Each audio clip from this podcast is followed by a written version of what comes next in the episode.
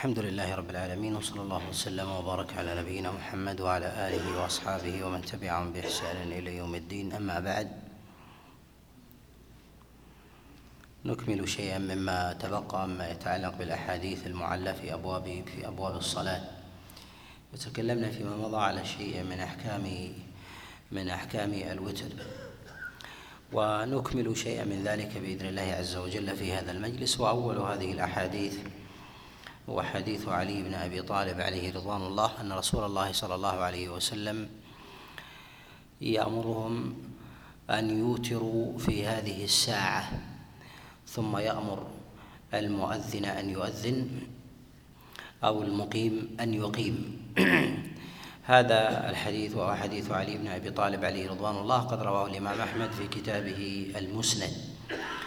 من حديث عبد الرحمن بن غزوان عن شعبة بن الحجاج عن أبي التياح يزيد بن حميد عن عبد الله بن أبي الهذيل عن رجل من بني أسد عن علي بن أبي طالب عن رسول الله صلى الله عليه وسلم.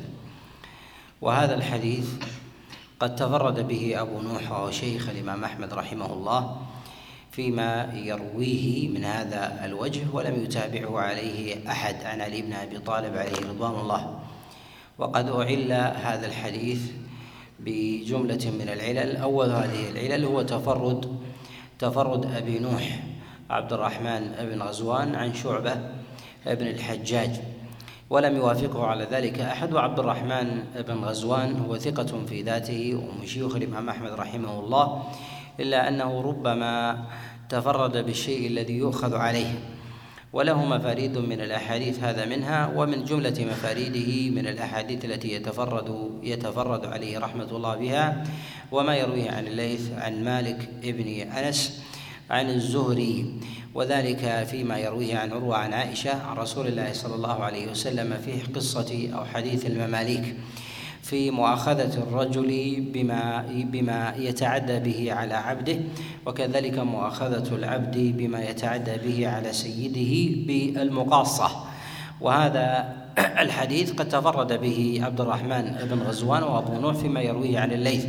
ولم يوافقه عليه أحد وقد أنكره عليه غير واحد من الأئمة. كالامام احمد رحمه الله فإنه قال هذا حديث باطل.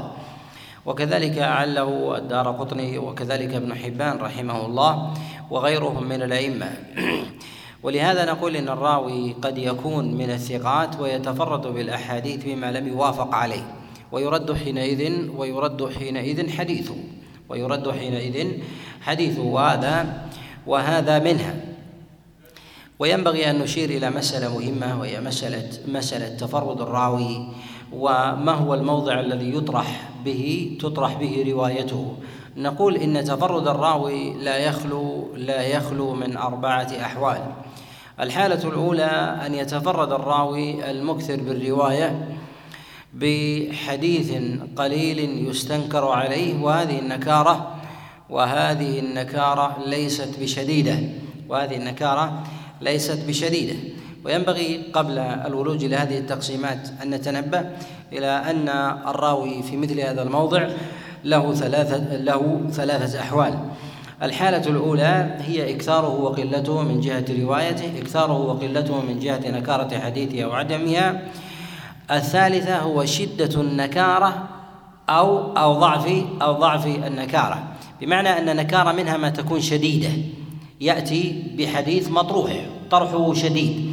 ومنها ما طرحه يسير وهذا يتباين. فالرجل الذي يأتي مثلا بحديث مختلق ومنكر هذا أعظم عند الأئمة لو يأتي بنكارة يسيرة بحديثين أو ثلاثة.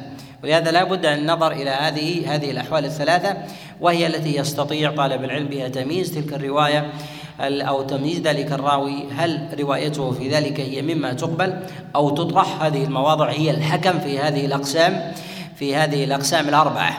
أول هذه الأقسام ذكرنا أن الراوي يكون من المكثر من من المكثرين بالرواية وله حديث قليل مستنكر ونكارته ليست بشديدة ونكارته ليست بشديدة. حينئذ نقول إن النكارة هذه تجعل العلماء لا يطرحون حديثه لا يطرحون حديثه.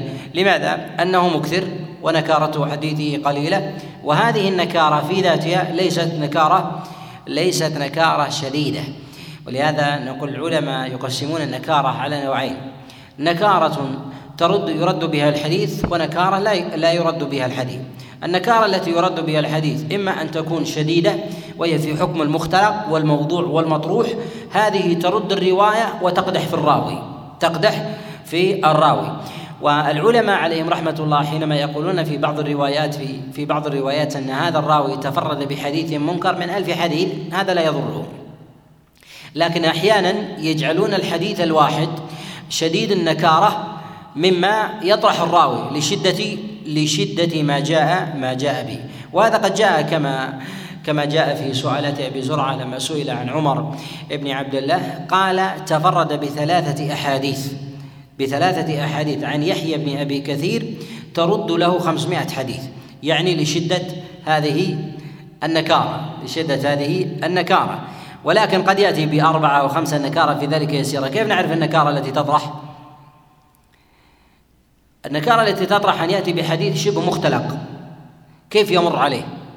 مختلق مطروح أو مكذوب. هذا يرد يرد الحديث. لهذا لا بد من النظر إلى جنس النكارة من جهة القوة من جهة القوة والضعف. وذلك وهذا يرجع استعظمت وهذا يرجع فيه وهذا يرجع فيه إلى إلى هذه الأحوال الثلاثة بحيث طالب العلم يستطيع في ذلك أن يرد أو لا يرد.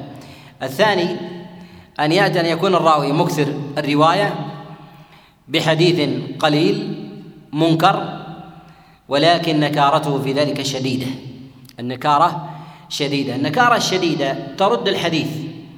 ترد الحديث ولو كان كثيرا. ما هو مقياس العلماء في ذلك؟ مقياس العلماء في هذه النكارة أنهم يقولون أن الحديث المنكر شبيه بالاختلاق والوضع دليل على أن ناقله ليس بعالم وليس بضابط.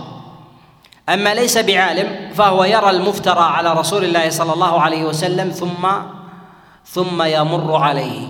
فليس فليس بفقيه. إما أن يكون صاحب صحف وتدوين ونحو ذلك. ولهذا نقول إن العلماء لابد لابد أن ينظروا إلى هذين الاعتبارين من جهة اعتبار قوة النكارة أو عدمها. لهذا نقول إن النكارة في ذلك إذا أصبحت شديدة أن هذه مما يؤثر مما يؤثر على الراوي ولا بد من النظر النظر في ذلك. الكثرة والقلة ما هو مقياسها؟ مقياس الكثرة والقلة ذلك بحسب طبقة الراوي. الطبقة كلما كانت متقدمة لم يحتج العلماء إلى عدد كثير من الرواية لماذا؟ لأن الدواوين أو جمع المرويات من البلدان لم يكن متوفرا بخلاف من تأخر ولهذا تجد عند المتأخرين مثلا في طبقة الإمام أحمد أو طبقة شيوخه كوكيع وغيرهم من الرواة هؤلاء من شيوخ الإمام أحمد لديهم أحاديث بالآلاف ربما تزيد على تزيد على عشرة آلاف أو أو عشرات الآلاف. هذه الأحاديث التي يروونها ذلك أنها لما جمعت وارتحل وارتحل الناس إليها أخذوا يدونونها في صحف وفي رقاق وجلود وأخذوا يحدثون بها الناس فأصبحت مجموعة بخلاف النقل من من الأفواه. وهذا لا يعني لا يعني أن الجامع في ذلك هو أعظم من غيره منزلة. ولكن هذا بالاعتبار بمعنى أن وكيع بن الجراح يكون أكثر أحاديث ممن ممن تقدم مثلا من التابعين كقيس بن أبي حازم لأن طبقته قريبة من الصدر الأول والأحاديث في ذلك الناس قلما يحتاجون إليها لضعف لضعف الحاجة من جهة الخلاف وعدم وروده عندهم واستقرار العمل على ذلك وكذلك أيضا ضعف الأشياء المولدة في مسائل في مسائل الدين. ولهذا تجد الطبقة الأولى من التابعين هم أقل عددا من الطبقة التي التي تليهم بل الأحاديث التي عند شعبة من الحجاج هي أكثر من حديث أبي هريرة نفسه وهو وهو صحابي جليل وأكثر من حديث عمر وأكثر من حديث من حديث أبي بكر الصديق وهكذا. ولهذا نقول إن كثرة الحديث وقلته لابد أن ينظر فيه إلى الطبقة. الطبقة كلما تأخرت أصبحت الأحاديث الأحاديث المطلب في ذلك الكثرة والمقياس في ذلك يقل. ولهذا الإمام أحمد رحمه الله يقول في حديث عبد الملك بن عمير يقول له حديث قليل ويخطئ فيه كثيرا. حديثه القليل يقول الإمام أحمد 500 حديث. لم يروي إلا 500 وهي قليلة وخطأه فيها كثير. 500 بالنسبة للطبقة التي هو فيها. والشيوخ الذين أدركوا ومجالس الحديث فما جاء إلا بخمسمائة حديث هذه قليلة. وخطأه في ذلك كثير. ولهذا يرد الإمام أحمد حديثه ويضعفه جدا. هذا الراوي عندنا وهو شيخ الإمام أحمد رحمه الله الذي يروي عنه عبد الرحمن بن غزوان يروي هذا الحديث ومن شيوخه. الإمام أحمد رحمه الله يثني عليه ويقول رجل رجل عقلا من الرجال يعني رجل كامل ويوثقه غير واحد من الأئمة كابن المديني ويعقوب بن شيبة وغيره ولكن له مما يستنكر منها هذا الحديث منها هذا الحديث. وكذلك أيضا من الأحاديث الذي تقدم حديث قصة المماليك في القصاص. هذه الأحاديث التي جاءت وأخذت عليه هي قليلة هي قليلة بالنسبة لكثرة حديثه ثم أيضا أن هذه النكارة ليست مما يطرح به الحديث باعتبار أن هذه الأحاديث بهذه الألفاظ لا يقطع بكذبها واختلاقها. يقطع بالكذب أو لا يقطع؟ لا تستطيع أن تقطع بالاختلاق لأن ظاهر حديث قصة المماليك في مسألة القصاص في الحسنات والسيئات أن الله عز وجل يأخذ هذا من هذا فإذا زاد هذا على هذا أعطاه أعطاه حقه. وهذا يدل عليه في حديث النبي عليه الصلاة والسلام في قصة في قصة المفلس. قال ما تعدون المفلس فيكم؟ وكذلك أيضا في حديث عبد الله بن أنيس وجابر في قول النبي عليه الصلاة والسلام بالحسنات والسيئات وغير ذلك من الأحاديث. فهذا المعنى الدلالة فيه. والعلماء عليهم رحمة الله إنما يحملون الحديث المختلق الذي اختلاقه بين ويجعلون النكارة فيه شديدة يعرفونه في مخالفة المعنى. فذلك أن بعض الأحاديث تكون مكذوبة لكن صعب اكتشاف الكذب فيها. لماذا؟ لأنها تجري وفق الجادة. تجري وفق وفق الجادة. كشخص يبتكر إسناد يبتكر إسناد لحديث بني الإسلام على خمس. هذا الحديث حديث ثابت عن النبي عليه الصلاة والسلام. أو يأتي بمعناه أو يأتي بمعناه أو يزيد فيه شيئا عن النبي صلى الله عليه وسلم جاء في أحاديث أخرى. هو المتن في ذلك يصعب معرفة النكارة فيه والوضع ومعرفة ذلك يرجع فيها إلى جملة من القرائن. في ذلك منها ما يتعلق في الإسناد ومنها ما يتعلق بتركيب بتركيب بتركيب المتن. الحالة الثالثة أن يكون الحديث أن يكون الراوي مقل الرواية. ويتفرد بحديث منكر قليل بالنسبة لما روى. بالنسبة لما روى والنكارة في ذلك يسيرة. أن يكون الراوي أن يكون الراوي مقل الرواية ويأتي بحديث منكر قليل بالنسبة لما روى. قليل يعني مثلا يأتي بمئتين ويأتي مثلا بالمنكر بثلاثة أربعة أو شيء من هذا مما مما يستنكره الأئمة عليه. ونكارته في ذلك ليست شديدة. العلماء يضعفون هذا يضعفون هذا ولكنهم لا يطرحون حديثه لا يطرحون حديثه. ويصفونه بالوهم والغلط. الحالة الرابعة وهي قلة الحديث وكثرة النكارة وشدتها. هذا الوضع. وربما اتهموه اتهموه بحديثه بالكذب. وقلما مثل هذا الراوي يوجد إلا ويتهم. يتهم هو في ذاته. يتهم في ذاته بأنه يكذب. العلماء عليهم رحمة الله لا يختبرون الناس بأقوالهم بين الناس في البيع والشراء حتى يعرفوا صحة حديث النبي عليه الصلاة والسلام ولكن يستعملون أمثال هذه المعايير. أمثال هذه المعايير غالبا. وإن وجد من النقاد عليهم رحمة الله من ينظرون إلى حال الراوي مع الناس ثم يقومون بالحكم على حديثه. هذا الحديث وحديث علي بن أبي طالب قد رواه الإمام أحمد. من حديث أبي نوح عبد الرحمن بن غزوان عن شعبة عن أبي التياح يزيد بن حميد عن عبد الله بن أبي الهذيل عن رجل من بني أسد عن علي بن أبي طالب. هذا الحديث تفرد به عبد الرحمن بن غزوان شيخ الإمام أحمد. تفرد بهذا الحديث والنبي صلى الله عليه وسلم يأمرهم بالوتر في هذه الساعة في هذه الساعة. ثم يأمر المؤذن أن يؤذن أو المقيم أن يقيم. يعني أن ذلك يتأخر حتى لو دخل وقت وقت الفجر. العلة الثانية في هذا الحديث هو جهالة الراوي عن علي بن أبي طالب. جهالة الراوي عن علي بن أبي طالب عليه رضوان الله في هذا الحديث فإن الذي يرويه هو رجل من بني أسد عن علي بن أبي طالب. وهذا الحديث وهذا الحديث بهذه العلة كاف في رده. كاف في رد رده. والعلة الثالثة أن هذا الحديث فرد في جميع طبقاته. فرد في جميع طبقاته ومثله يشتهر خاصة إذا اقترن بأمر النبي صلى الله عليه وسلم بالوتر في ساعة بعينها في ساعة بعينها. ومثل هذا مما يرد به مما يرد في التفرد. الحديث الثاني في هذا هو حديث أبي ذر عليه رضوان الله أن رسول الله صلى الله عليه وسلم كان كان النبي صلى الله عليه وسلم يأمرهم بقضاء يأمرهم بالوتر بعد الفجر. يعني بعد بعد دخول وقت الفجر.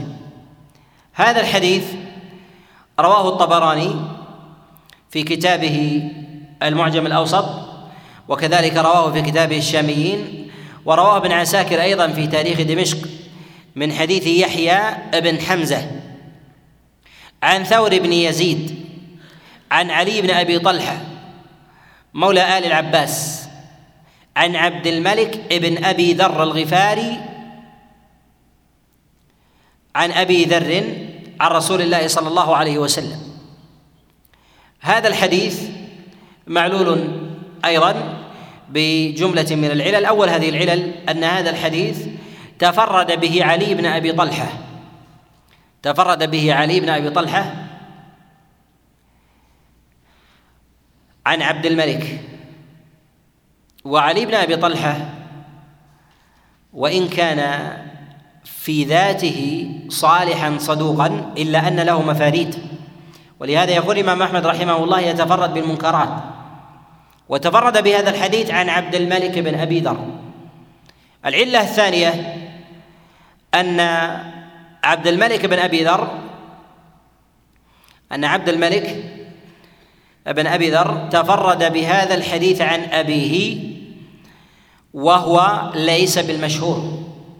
عبد الملك ليس ليس بالمشهور. وحديثه هذا يرويه عن أبيه واولى من يروي عن الراوي من كان قريبا منه كأبنائه وخاصة أصحابه ونحو ذلك. ومثل هذا التفرد يحمل عادة ومثل هذا التفرد عبد الملك عن أبي عن أبيه يحمل عادة ولكن لو لم يكن بمثل هذا المتن. لو لم يكن بمثل هذا المتن ولو لم يكن أيضا من رواية علي بن أبي طلحة عن عبد الملك. وذلك أن هذا الحديث أن النبي صلى الله عليه وسلم كان يأمرهم بالوتر بعد الفجر. النبي عليه الصلاة والسلام كان يأمرهم بالوتر بالوتر بعد الفجر. وهذا خارج عن وقته الفاضل. فكيف يأمر النبي صلى الله عليه وسلم بأداء شيء في زمنه؟ لو قيل بجوازه لكان مفضولا. لو قيل بجوازه لكان مفضولا. ولم يكن أمر النبي صلى الله عليه وسلم على وجهه. ولهذا نقول إن هذا الحديث إن هذا الحديث حديث منكر والنبي صلى الله عليه وسلم لا يأمر بالشيء المفضول. ولو كانت قضية عين لاحتمل ذلك ولكن ظاهر السياق أنها جاءت جاءت عموما بالأمر بالوتر بعد بعد الفجر. كذلك أيضا فإن هذا الحديث فرد من هذا الوجه. فرد من هذا الوجه عن أبي ذر. وأبو ذر له أحاديث وله أصحاب كثر. وتفرد يحيى بن حمزة عن ثور بن يزيد عن علي بن أبي طلحة عن عبد الملك عن أبي ذر أيضا مما يستنكر.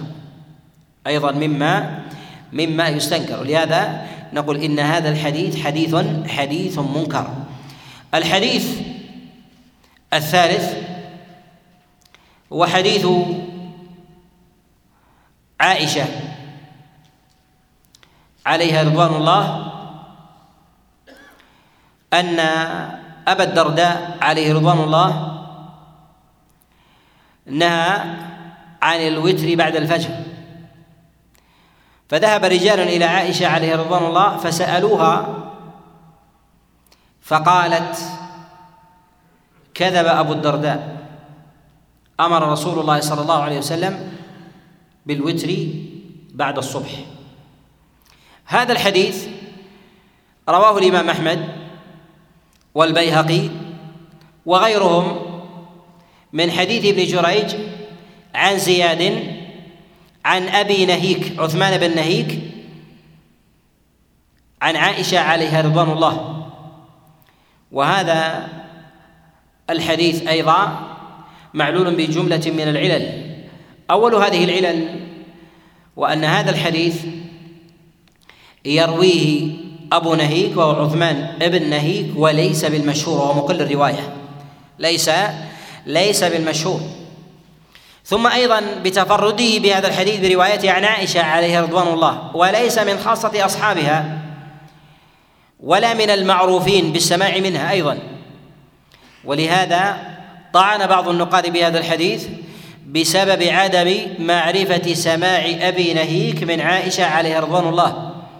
ومثل هذا الحديث لو كان موجودا عند عائشة لأذاعت به لأذاعت لأذاعت به وهذا وهذا دليل على على نكارته.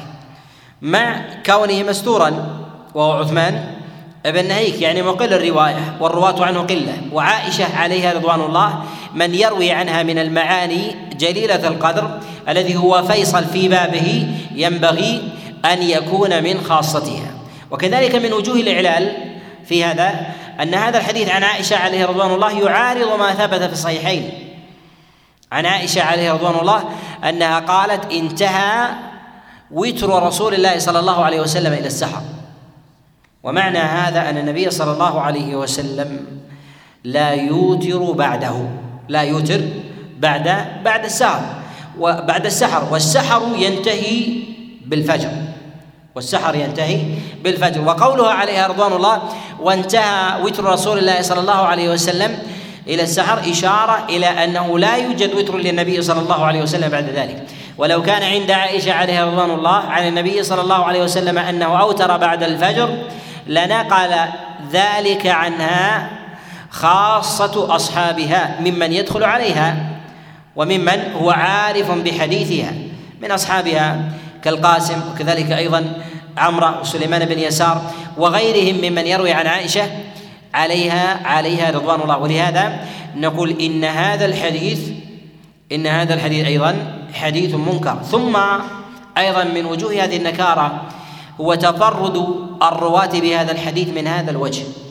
فإنه يرويه ابن جريج عن زياد عن أبي نهيك عن عائشة عليها رضوان الله في قصة الرجال الذين جاءوا إلى أبي الدرداء فنهى عن الوتر بعد الصبح فذهبوا إلى عائشة عليها رضوان الله فقالت النبي صلى الله عليه وسلم يأمر بالوتر بعد بعد الصبح. وكان النبي عليه الصلاة والسلام يوتر بعد الصبح. جاء هذا الحديث من وجه آخر. رواه حاتم ابن سالم الأعرجي البصري. يرويه عن عبد الوارث بن سعيد. يرويه عن عبد الوارث ابن سعيد. عن خالد الحذاء. عن أبي قلابة. عن أم الدرداء عن أبي الدرداء بهذا الحديث. وهذا الحديث جاء موقوفا وجاء مرفوعا. يرويه عبد الوارث بن سعيد عن خالد الحذاء عن أبي قلابة عن أم الدرداء عن أبي الدرداء مرفوعا. ويرويه هشيم كما جاء في المصنف عن خالد الحذاء عن أبي قلابة عن أبي الدرداء موقوفا عليه وهو الصواب. والصواب أن هذا الحديث هو موقوف عن أبي الدرداء لا مرفوعا لا مرفوعا عليه إلى رسول الله صلى الله عليه وسلم. والصواب في ذلك الوقف. وأما عن النبي صلى الله عليه وسلم فلا يصح من هذا الوجه. وذكر بعض الحفاظ أن من وجوه إعلال هذا الحديث أنه روي عن أبي الدرداء خلافه. أنه روي عن أبي الدرداء خلاف هذا الحديث. وهذا أمارة على التعارض في المتن وهذا من قرائن عدم الضبط لأن الأصل في الشريعة الإحكام والوضوح. ثم سواء كانت المعارضة بالوقف أو بالرفع فهي أيضا من قرائن من قرائن الإعلان من قرائن الإعلان الحديث نعم. نعم. النهي. هو أصلا أبي الدرداء ما جاء عنه إلا حديث واحد. أبي الدرداء جاء عنه في ذلك النهي ثم جاء عن عائشة عليه رضي الله تعالى في ذلك الأمر. الحديث الرابع هو حديث أبي هريرة عليه رضوان الله أنه قال قال رسول الله صلى الله عليه وسلم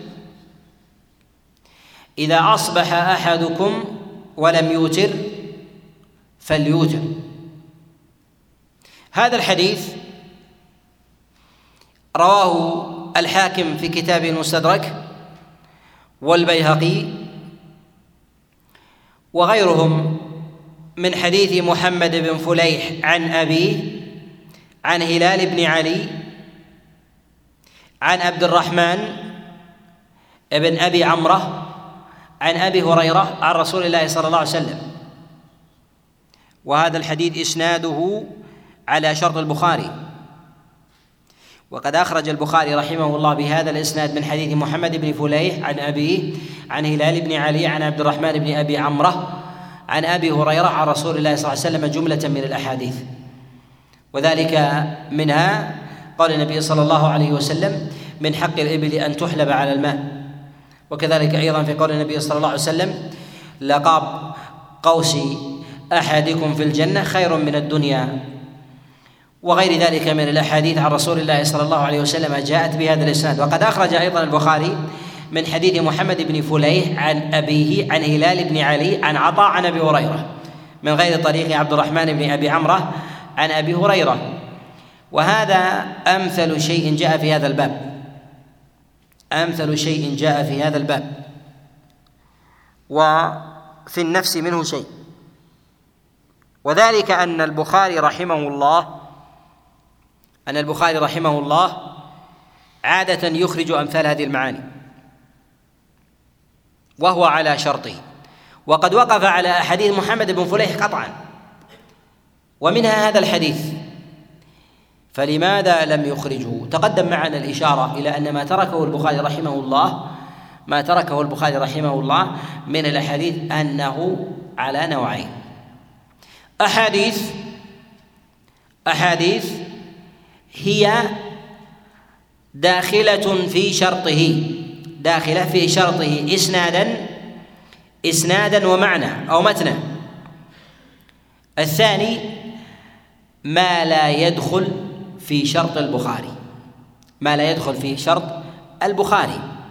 وذلك أن ما لا يدخل في شرط البخاري له نظرة وما كان في شرط البخاري ما أيضا له نظرة أخرى ما يدخل في شرط البخاري من جهة المعاني والفقه وهو على شرطه إسنادا اكتملت أركان الإيراد فلماذا لم يخرجه؟ فإذا لم يخرج البخاري حديثا في باب من الأبواب ويخرج عادة مثل هذا الحديث فلم يخرجه وإسناده على شرطه أمارة على تركه عمدا إما تركه استغناء بحديث في الباب مثله لأن الأحاديث كثيرة التي تدل على معنى من المعاني عن النبي عليه الصلاة والسلام.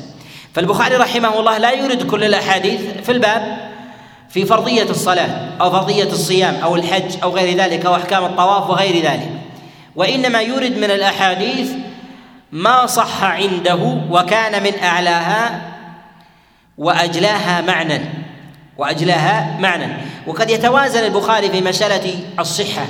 قد يتنازل البخاري عن شدة الصحة إلى ما يدخل في شرطه من الصحة إذا كان المعنى أجلى وأوضح. فيورده في هذا الباب ويدع ويدع ما هو أقوى أقوى منه وذلك لجملة من المقاصد. ولهذا نقول إن البخاري رحمه الله إذا كان الحديث على شرط البخاري من جهة الفقه ثم نظرنا في إسناده وهو على شرطه أيضا من جهة الإسناد ثم ترك هذا قرينة على إعلاله. قرينة على على إعلاله. لأن هذا الحديث أصل في قضاء الوتر أصل في قضاء في قضاء الوتر وهو أصح شيء جاء في هذا الباب. والبخاري رحمه الله إنما تركه إما لمخالفته للأحاديث الواردة في هذا الباب في أن النبي صلى الله عليه وسلم أن النبي صلى الله عليه وسلم لم يأمر أحدا بقضاء الوتر إلا ما جاء في حديث عائشة النبي عليه الصلاة والسلام كان إذا فاته حزبه من الليل صلى من النهار ثنتي عشرة ركعة. وهذا ليس وترا وإنما وإنما شفعا فيصلي النبي عليه الصلاة والسلام من النهار. فقضاء الوتر في ذلك يخالف عادة النبي صلى الله عليه وسلم ومثل هذا يظهر. وقد جاء النبي عليه الصلاة والسلام في ذلك في ذلك من جهة العمل الوفرة المتكاثرة في صلاة النبي عليه الصلاة والسلام في الوتر في وقته وانتهى وتر النبي عليه الصلاة والسلام إلى إلى السحر. كذلك أيضا ما جاء في في الباب من جهة قضاء حزب الليل في النهار يصلي 12 ركعة كما جاء في حديث عائشة. ولعل البخاري تركه لهذا لهذا الأمر. ولهذا نقول إن النظر إلى هذين الوجهين فيما كان من شرط البخاري هو ما كان من شرطه إسنادا ومتنا أو ما لم يكن من شرطه لم يكن من شرطه. إذا لم يكن من شرطه إسنادا فهذا يلتمس فيه علة يلتمس فيه علة إذا لم يكن من شرطه إسنادا. وإذا لم يكن من شرطه متنا فهذا ليس بالضرورة أن يكون معلولا. ليس بالضرورة أن يكون معلولا لأن البخاري رحمه الله لا يريد دائما من الأحاديث التي في لا يريد من الأحاديث التي لا تدخل في بابه في معاني فضائل البلدان وأخبار الأمم السابقين. وكذلك أيضا آه، كثير من أحكام أو مسائل الأمم اللاحقة ونحو ذلك. البخاري رحمه الله لا يتقصد إرادة ذلك وإن أورد من ذلك شيئا في كتابه في كتابه الصحيح فيورد شيئا من أصولها أو ما صح منها للدلالة عليها والدلالة على على غيرها. هذا الحديث هو من حديث محمد بن فليح عن أبيه عن هلال بن علي عن عبد الرحمن ابن أبي عمرة عن عائشة عليها رضوان الله. وهذا عن أبي هريرة عليه رضوان الله. هذا الحديث بهذا أو هذا الإسناد بتمامه أخرج البخاري منه في مواضع أخرج البخاري منه في مواضع. وتركه لذلك مع الحاجة إلى مثل هذا المتن في قضاء الوتر. في قضاء الوتر أمارة على إعلاله. ثم أيضا أن النبي صلى الله عليه وسلم لم يأمر في حديث من الأحاديث بقضاء النوافل. بقضاء النوافل. بمعنى أن الإنسان إذا فاتته راتبة العصر يصليها بعده. فعل النبي عليه الصلاة والسلام ذلك لكنه ما أمر به. كذلك أيضا ما في إذا فاتت الإنسان راتبة الظهر يصليها بعد أو نحو ذلك. هذا لا يثبت فيه عن النبي صلى الله عليه وسلم أنه أمر بذلك خبر. وهذا وهذا في في الأمر بصلاة الوتر بعد الفجر. في ذلك في ذلك خروج عن هذا هذا الأصل. وهذا يحتاج إلى يحتاج إلى شيء سالم حتى من دقائق من دقائق القوادح من دقائق القوادح. وبعض الأئمة عليهم رحمة الله يصححون هذا الحديث. هو أمثل شيء جاء في الباب من جهة قضاء الوتر. و و من حسنه أو قواه له وجه ولكن في النفس منه شيء في ترك البخاري رحمه الله هذا الحديث. نعم.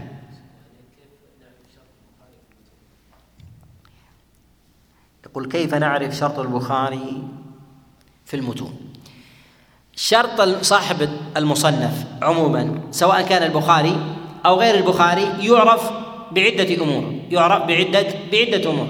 أول هذه اول هذه الأمور أن ينص على ذلك في كتابه إما في المقدمة أو في كتاب مفرد. وذلك مثلا كشرط الإمام مسلم رحمه الله في كتابه الصحيح نص على شرطه في المقدمة. أو أبي داود رحمه الله كما في كتابه الرسالة لأهل مكة فإنه نص نص على ذلك. وغير ذلك ممن ينص عليه أو ينص على شرطه في كتاب في كتاب من كتبه. وذلك كالترمذي رحمه الله في كتاب العلل. فله كتاب العلل وهو أصلا وفي آخر السنن ألحقه فيها وذكر أيضا وذكر شيئا وافرا من شروطه في كتابه في كتابه السنن. الأمر الثاني أن يعرف ذلك أو شرط المصنف بالصبر بالصبر لمنهجه.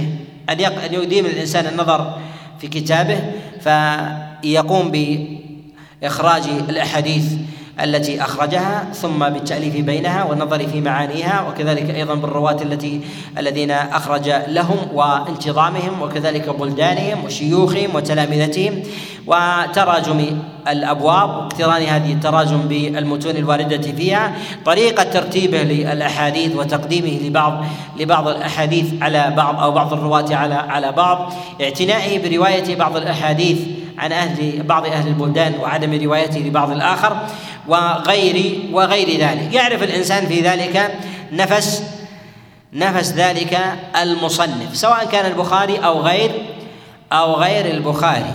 الأمر الثالث أن ينص أحد من الأئمة على على منهجه في هذا ممن له عناية في ذلك مثلا كابن رجب رحمه الله له عناية في البخاري ومعرفة بعادته كذلك أيضا الحافظ بن حجر رحمه الله في كتابه الفتح. وغير أولئك الذين لهم عناية في مصنفات سبروها ونظروا فيها وتأملوا فيها أكثر من غيرهم فكانوا من جهة النظر والحكم في ذلك من أهل البصيرة والنظر والنقد فإنهم يقدمون حينئذ على يقدمون حينئذ على على غيرهم. ولهذا نقول إن إن معرفة الشرط يلمس في ذلك كذلك أيضا من الوجوه التي يعرف فيها الشرط من عنوان الكتاب. عنوان الكتاب. البخاري رحمه الله عنون كتابه بالجامع المختصر المسند الصحيح عن رسول الله صلى الله عليه وسلم أو في سنن رسول الله صلى الله عليه وسلم و وأيامه. هذا نعرف أنه قصد في ذلك المسند وأن المعلقات ليست على شرطه. كذلك أيضا بافعال النبي عليه الصلاة والسلام وإذا قرناها بالصبر عرفنا الأحكام والمواضع التي يرد فيها فإنه يرد في ذلك في مسائل الدين ما احتاج إليه الإنسان في عمله. كذلك أيضا ما كان تاصيلا في أبواب في أبواب الفتن في ضبط القواعد في هذا الباب في أبواب الفتن في أبواب أشراط الساعة ونحو ذلك. يورد الأصول الظاهرة في هذا الباب عن النبي عليه الصلاة والسلام. ما يتعلق بفضائل الأفراد فضائل الناس فضائل الصحابة على أعيانهم يورد نماذج شيء من ذلك من من من كبار الصحابة والعليا من الفقهاء ولا يورد جميع ذلك ما جاء في هذا الباب. كذلك أيضا ما يتعلق بفضائل البلدان وغير ذلك. هذا من جهة أصله ليس ليس من شروط البخاري رحمه الله في كتابه في كتابه الصحيح. يعرف الإنسان أيضا إذا أورد البخاري رحمه الله حديثا في الباب دون ذلك الحديث. وهناك غيره مما هو في بابه أولى بالدلالة منه يعني أن هذا على شرطه. الأولى أن يريده فلما لم يرده دل على على أنه أنه أعله. وهذا يرجع فيه إلى ملكة الإنسان وقوة نظره وإدامته بالنظر في الأحاديث. وهذا وهذا يختلف فيه الإنسان يختلف فيه الإنسان بحسب آه، النظر والتمكن في هذا في هذا الباب. الحديث الخامس وحديث الأغر المزني عن رسول الله صلى الله عليه وسلم أن رجلا قال لرسول الله صلى الله عليه وسلم يا رسول الله أصبحت ولم أوتر. فقال النبي صلى الله عليه وسلم إنما الوتر بالليل. قالها ثلاثا أو اربعا. ثم قال النبي صلى الله عليه وسلم بعد ذلك قم فأوتر. ثم قال النبي عليه الصلاة والسلام بعد ذلك قم قم فأوتر. هذا الحديث يرويه البزار في كتابه المسند من حديث يحيى ابن أبي كثير. عن زهير بن معاوية عن خالد بن أبي كريمة عن معاوية بن قرة عن الأغر المزني عن رسول الله صلى الله عليه وسلم. هذا الحديث فيه شيخ البزار في كتابه المسند هو صالح بن معاذ. وصالح ابن معاذ. وهو مقل الرواية وقد تفرد بهذا الحديث من هذا الوجه وللحديث علة أخرى. فقد جاء هذا الحديث عن زهير ابن معاوية عن خالد بن أبي كريمة عن مقاو... عن معاوية بن قرة عن الأغار المزني عن رسول الله صلى الله عليه وسلم. واختلف فيه على خالد بن أبي كريمة. يروي هذا الحديث زهير بن معاوية فجعله مسندا إلى رسول الله صلى الله عليه وسلم. خالفه في ذلك غير واحد من الحفاظ. يرويه وكيع بن الجراح كما في كتابه عن خالد ابن أبي كريمة عن معاوية بن قرة مرسلا عن رسول الله صلى الله عليه وسلم. وكذلك يرويه أو تابع وكيعا عليه في روايته لهذا الحديث مرسلا. تابعه عبد الله بن إدريس كما رواه ابن أبي شيبة في كتابه المصنف. عن خالد بن أبي كريمه عن معاوية بن قرة عن رسول الله صلى الله عليه وسلم مرسلا. وتابعه كذلك أيضا ابن عيينة سفيان كما رواه عبد الرزاق في كتابه المصنف. عن سفيان بن عيينة عن خالد بن أبي كريمه عن معاوية بن قرة عن رسول الله صلى الله عليه وسلم مرسلا وهذا هو الصواب. الصواب في هذا الحديث الإرسال. الصواب في هذا الحديث الإرسال. ولا يصح عن النبي صلى الله عليه وسلم أنه آمر بقضاء الوتر بعد الفجر مرفوعا. إليه عليه الصلاة والسلام ولكن جاء في ذلك جملة من الموقوفات. جاء في هذا جملة من الموقوفات في قضاء في قضاء الوتر. هذا الحديث في تفرد البزار في روايته عن أصحاب المسانيد المشهورة والسنن والسنن. هذا من من قرائن النكارة والغرابة. فإن مسند البزار من مواضع المفاريد. وتفرده برواية مسند عن النبي صلى الله عليه وسلم قرينة عند الحفاظ على على النكارة. قرينة على النكارة. ومثل هذا لو جاء بمثل بإسناد صحيح عن النبي عليه الصلاة والسلام لرواه أصحاب المصنفات المشهورة.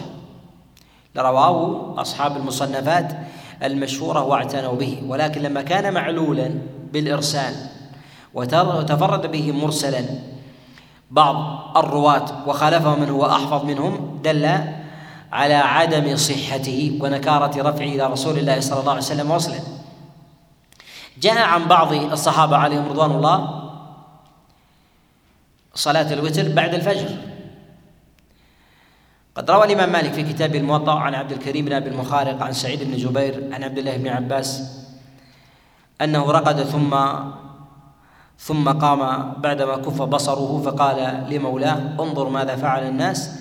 فذهب مولاه فقال صلى الناس. قال فقام فأوتر ثم صلى ركعتين ثم صلى الصبح.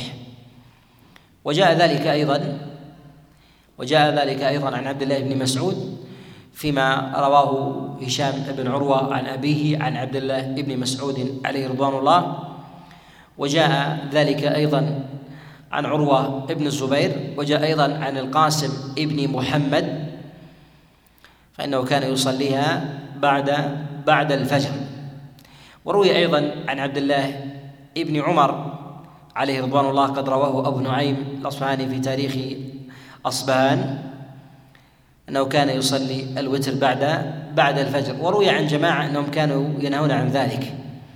الإمام مالك رحمه الله في كتابه الموطأ بعدما أخرج أثر عبد الله بن عباس وكذلك أيضا ما جاء عن عبادة وعن القاسم بن محمد وأيضا عبد الله بن عامر بن ربيعة قال وذلك لمن لم يكن له عادة وذلك لمن لم يكن له له عادة.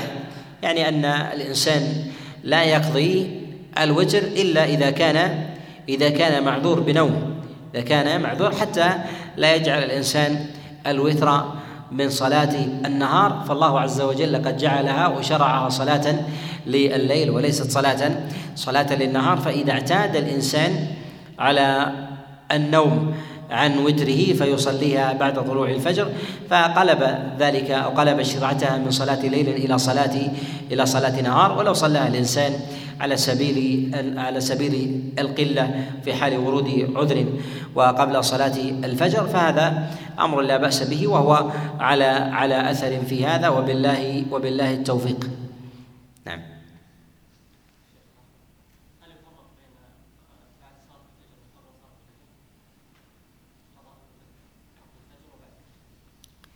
يقول هل يفرق بين قضاء الوتر قبل صلاة الفجر أو بعد صلاة الفجر؟ من العلماء من يؤكد على أداء صلاة الوتر قبل الفجر. وهذا جاء عن عبد الله بن مسعود عليه رضوان الله وجاء أيضا عن عبد الله بن عمر في جاء عن عبد الله بن مسعود عليه رضوان الله كما رواه عن عروة عن عبد الله بن مسعود أنه قال لا أبالي إذا أقيمت صلاة الفجر أن أصلي الوتر. يعني أنها تتأكد أداءها قبل قبل صلاة الفجر. وكأن تأخيرها بعد صلاة الفجر هو تأخير تأخير يخالف التأخير قبل الفجر أو بعد صلاة بعد طلوع الفجر وقبل وقبل الصلاة. وجاء هذا أيضا عن عبد الله بن عمر ولكن بعض الفقهاء يرون أن الإنسان لا يصلي الوتر في محضر الجماعة حتى لا يقع عليه النهي لا يقع عليه النهي. فإن النبي صلى الله عليه وسلم يقول إذا أقيمت الصلاة فلا صلاة إلا المكتوبة وإنما يخرج الإنسان من المسجد ويصلي في موضع بعيد ويتدارك على هذا القول على هذا القول. والأولى أن يدخل مع مع جماعة مع جماعة المسلمين ويصلي الفريضة فإنها آكد لقول النبي صلى الله عليه وسلم إذا أقيمت الصلاة فلا صلاة إلا المكتوبة. نعم.